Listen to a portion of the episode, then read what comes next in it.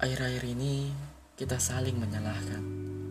Entah menyalahkan satu sama lain atau bahkan diri sendiri.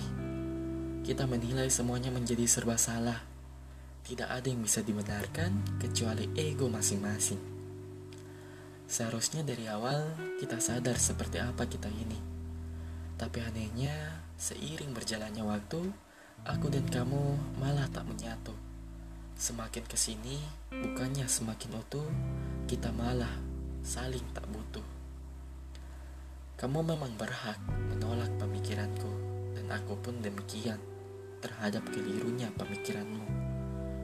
Tetapi, bukannya aku dan kamu menjadi kita untuk saling menerima dan memahami? Lalu mengapa akhir-akhir ini kita malah saling menolak dan menghakimi? Salah satu dari kita tak perlu memenangkan perdebatan, sebab kemenangan kadangkala hanya menjadi awal cerita kenangan. Kita harus mengalah tanpa ada yang menang, tanpa ada yang disudutkan. Sebab jangan sampai salah satu dari kita merasa lelah dengan caranya berpikir sendiri. Seharusnya kita tidak seperti ini. Kita tidak harus saling menghakimi mencoba lebih memahami.